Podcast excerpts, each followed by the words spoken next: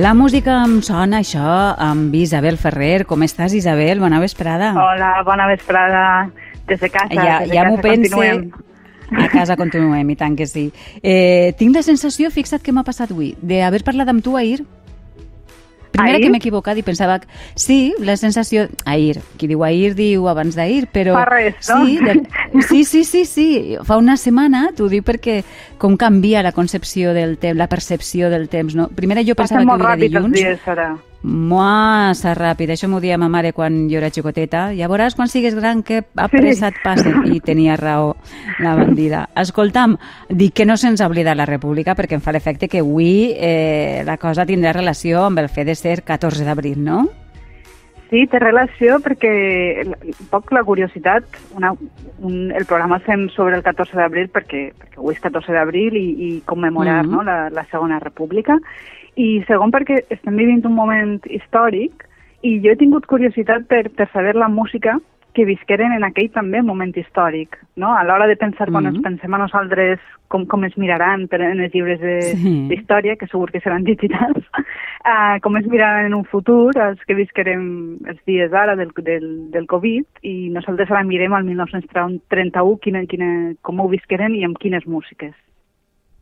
Mm, fantàstic, a mi m'encanta, a nosaltres ens encanta que tu tingues curiositat perquè això vol dir que a nosaltres ens omplis de sabidoria, o sigui que endavant. Gràcies. Mira, mira, anem a començar per, per, eh, eh, per veure com es feia popular una música, perquè amb això podrem un poc parlar de, del panorama, perquè és, és un poc diferent avui en dia que tenim internet i emissions online, etc. En aquell temps, els mitjans de comunicació massius, que la ràdio, el cinema, encara no, no, no estaven al capdavant del consum de la música. És a dir, la gent consumia música en altres llocs, tot i que ja existien a ràdio i al cinema, després en parlarem, l'inici estava en un altre lloc. I fonamentalment l'inici estava en la música teatral, d'acord? D'ahir passava a altres espais que anirem parlant. Per tant, per veure com sonava València, que és un poc on ens basarem per a, per a, per a comprendre les músiques, hem de començar pel món Mm. del teatre. I pel món del teatre hi havia, hi havia com avui en dia, fonamentalment dos tipus d'obra, les obres que, que, que tenien música en directe, per dir-ho així, i les que no. I de les que tenien música, que són les que ens, ens interessen en, més en aquesta secció, hi havia com una espècie de prestigi en, en, de, en funció de com era l'argument i de com eren musicalment, per dir-ho per dir d'alguna Ah. forma. O sigui, eh, unes obres eren més bones i d'altres no tant. Sí, es considerava que n'hi havia com unes obres que estaven més elaborades i demanaven per a entendre-les o gaudir-les del tot com tindre unes, unes determinades referències culturals i també un pressupost eh, per a pagar aquesta entrada, clar. que no vol dir que foren millors, sinó que es basaven com uns criteris diferents. Eh? No, no és exactament que és que unes foren més bones que les altres, sinó que eren criteris diferents, que és el que intentarem explicar avui. Dalt des des d'aquest sistema de prestigi estava l'òpera, que és un, una obra de teatre que és tota cantada, i es tractaven d'obres que ja estaven consagrades en el, en el repertori, és a dir, que ja s'havien Mhm. fet durant feia molts anys, havien triomfat i s'havien consolidat. I de- se'n feien algunes de noves, però normalment el repertori era d'obres més antigues. Ah, com, per exemple? obres que segur que heu escoltat tots, com Tosca, Carmen, La Bohème... La Bohème, Clar. la Bohème no feia Mhm. tant de temps en aquell temps, eh? només feia uns anys, però bé, avui dia eh, també se'n tren de noves, però part del repertori són obres molt més antigues. El que passa és que fer una òpera, com tot el món avui dia, és prou car, i els Mm. teatres no s'ho podien permetre i la gent tampoc es podia permetre pagar una entrada. Aleshores, en, en la València d'aquell temps, de l'any 1931, que és quan estem parlant, es feia una òpera l'any Podíem dir-li òpera perquè era com una espècie de festival líric que se feia en la Fira de Juliol en els vivers. L'any Ahà. 1931, eh, que coneguem, l'única òpera que va haver va ser eh, Pagliacci, de Leoncavallo, que eh, s'interpreta en este festival que, que he dit, i interpretava el paper principal Hipólito Lázaro, que era un tenor molt conegut, molt conegut d'aquell temps. Un altre dia parlarem de grans estrelles. El Ah, que passa és que fantàstic. avui Sí, avui tindrem el plaer de sentir-lo d'una forma molt similar a la com l'escoltaren en aquell moment en, en la ciutat, perquè justament aquell any eh, una discogràfica li va oferir a, a Hipólito Lázaro enregistrar esta obra de l'any 31. I per tant tenim una, una gravació d'ell, que és la que anem Que a sentir a continuació. Mm. tua facetta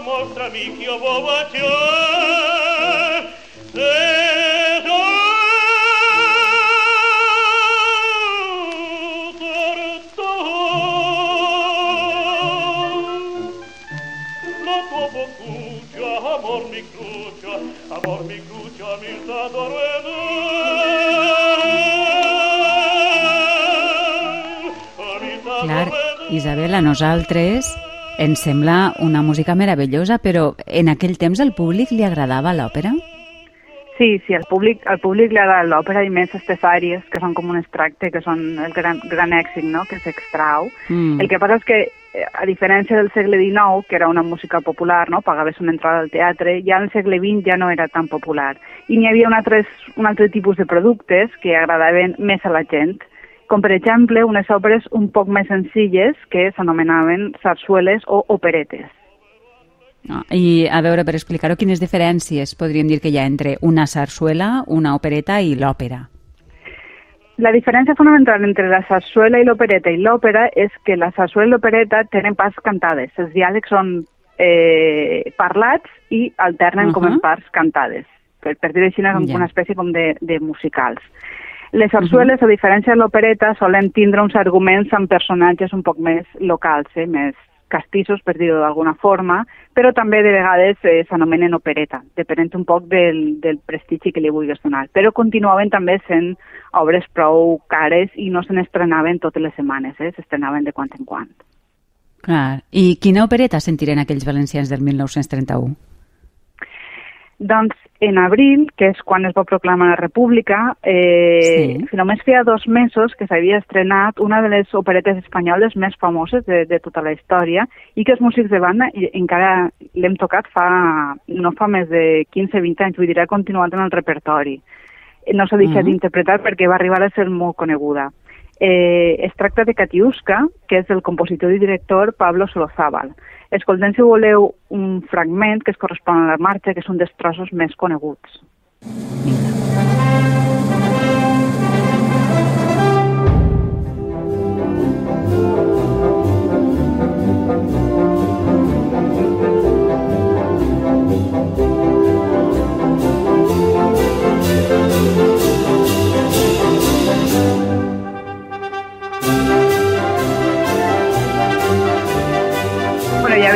Música molt, mm. molt popular, és un dels grans sí. èxits de tots els temps i que continua mm. això interpretant-se i, i va agradar molt Sona a la gent, més... òbviament. Mm, sí, perquè sona com eh, música teatral, no? Això s'escoltava al, al teatre. Sí, sí, és música eh, eh, teatral, el que passa és que després passava fàcilment a la gent perquè es feien arranjaments per a, per a les bandes que és una de les coses a què es va dedicar Pablo Sorozábal, que entre altres coses és conegut perquè durant tota la Guerra Civil, amb la banda municipal de Madrid, es va dedicar a anar fent gires interpretant esta obra, per exemple. N'hi ha fotografies. I l'obra, a més, és molt política perquè es desenvolupa, figura que es desenvolupa la Revolució Russa i narra com una historieta d'amor entre el comissari del poble, eh, Pedro Stakov, que eh, se sent dividit entre el seu sentiment bolxevic i la de la seva estimada Katiuska, que és la seva família és partidària del tsar.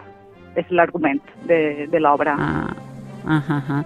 Escolta'm, ah, una curiositat, eh? igual és una tonteria. Eh, com a mínim a casa meua, eh, les catiusques, i sobretot quan eren xicotets, ara ja no ho utilitzo tant, però eren mm. eh, les botes d'aigua, les catiusques. Sí. Posa les catiusques. Sí, sí. No sé si té alguna relació amb això.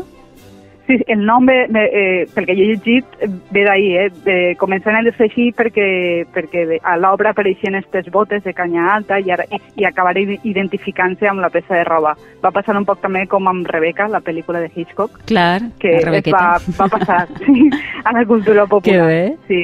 Doncs mira que bé, sabem una cosa més. Però vinga, va, tornem a la música, que, que he interrompit això, del 1931.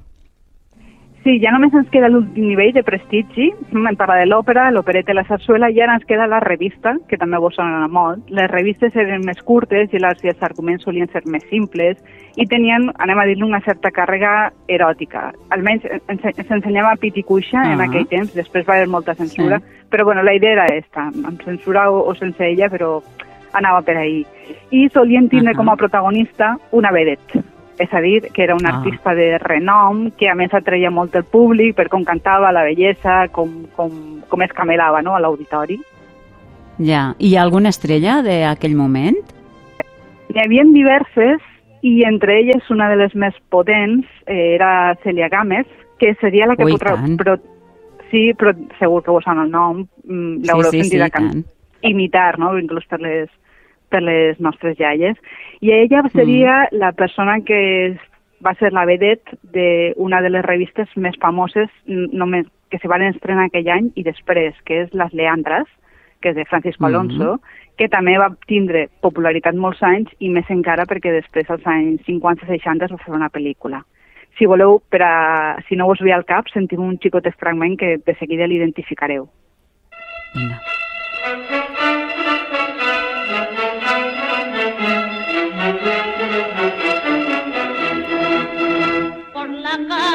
de Alcalá, con la falda almidona y los negros capullos en la cadera. La florista viene y va y sonríe descarada por la acera de la calle de Alcalá. Del que no... Esta sí, esta sí que la coneixen tots, Sí, no? sí, sí, i té més grans èxits. Eh? Eh, eh, era coneguda també perquè se parlava no, de la política republicana Victoria Kent, que és un fragment que després en el Mhm. franquisme, la versió de la pel·lícula, es va haver de- d'eliminar. Celia Gámez, Caram. eh, també la persona que tinga interès per saber més d'ella, però és la, la que va cantar la, la cançó famosa de La Contra, el No Passaran, del Ja hemos pasado, la versió Mm. seua. Per tant, eh, personalment moltes simpaties en principi no, no, no desperta, però sí que és un personatge No curiós de, de seguir-la. Sí, sí, sí. Molt bé. Però aleshores, eh, Isabel, quin era el funcionament d'aquestes obres de teatre? Com passaven, vull dir, del teatre a la gent? Doncs no és molt diferent d'avui en dia. L'obra es provava a l'estrena en una gran ciutat, Madrid o Barcelona, a vegades també València, Sevilla o Bilbao, i eh, es feien els caps de setmana o els dies més bons, entre cometes, diumenges, com més gent anava, en el primer repartiment i després es quedaven tant de temps com, continua, com continuaven amb la gent, normalment en un, reper, en un repartiment de secundaris, fins que els empresaris ja decidien que això ja no era rentable i ja voltaven per Mm. altres ciutats. Eh, per exemple, en, quan, quan voltaven a una ciutat, l'estrena la feia una, una vedet i després es quedava la companyia allí amb el nom de la companyia de Celia Gámez, per exemple, per a cridar l'atenció a la gent. Mm. En, la, en el Ah, moment de però- República sin València estava la companyia Sí. Celia Gámez, però ella no, ella no. Ah, ah, ah.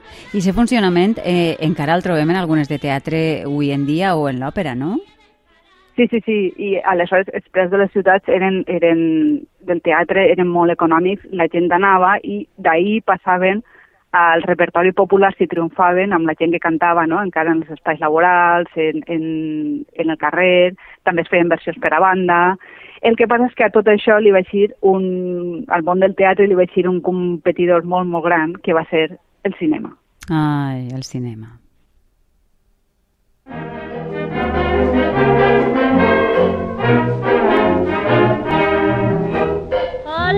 a quien diga mentiras y amor,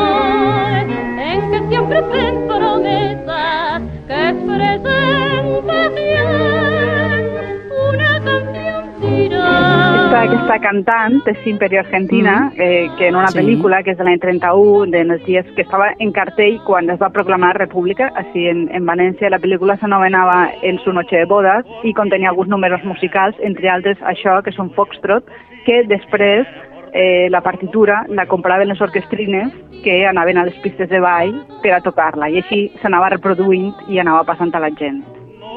Ah, i escolta'm, Isabel, no em parla de la ràdio, eh, perquè ja Sí, existia en aquell moment, i quin paper Sí, jugava? sí, existia i de fet eh, en els, en els periòdics hi havia anuncis per a, per a que la gent es comprara, el que passa és que hi havia com una banda ampla que podies connectar a altres ciutats i en València hauríem d'esperar també el 1931, que és molt important aquell any, per a que el setembre s'inaugurara Unió Ràdio, que després seria la cadena SER. I clar, eh, Mm. gràcies a això també mitjançant la ràdio es, es va fer molta música de banda, bueno, es van difondre moltes coses.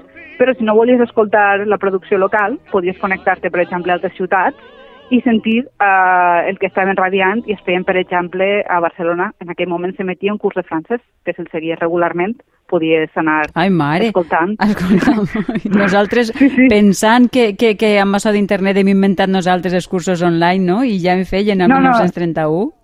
1931. Està tot inventat, està tot inventat. I ja per últim, un últim apunt que m'agradaria dir, Sí. perquè en aquell moment també, en, el 14 d'abril, s'anunciava molt, ja feia dies en el, en el diari, u, que n'hi hauria un concert d'un duet format eh, per una soprano i una compositora de nom Maria Rodrigo, que a nosaltres Ah. eh, segurament no ens sona, però s'anunciava moltíssim, això vol dir que, que en aquell moment sí que ella era coneguda, i Mm. Maria Rodrigo és la primera dona que va estrenar una òpera a Espanya en el 1915 en Madrid, en el Teatre La Zarzuela.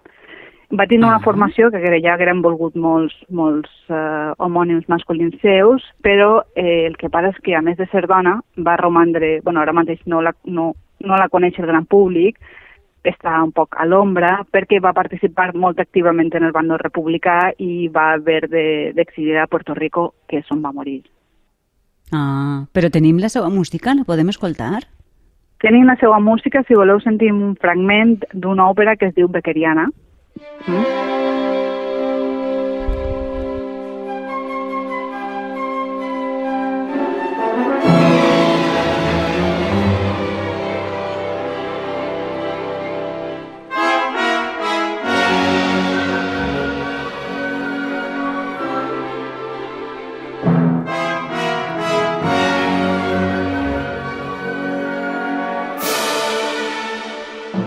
Vegeu, ja sona més, sona una altra cosa diferent. Ja pertany a, una, Sí. sí. pertany a un altre món, a un altre món més diferent del que, del que s'acostumava a fer, però ja vos dic que, que el diari anava ple, o sigui, cridant a la gent a anar al concert perquè venia ella i, i un altre cantant de prestigi.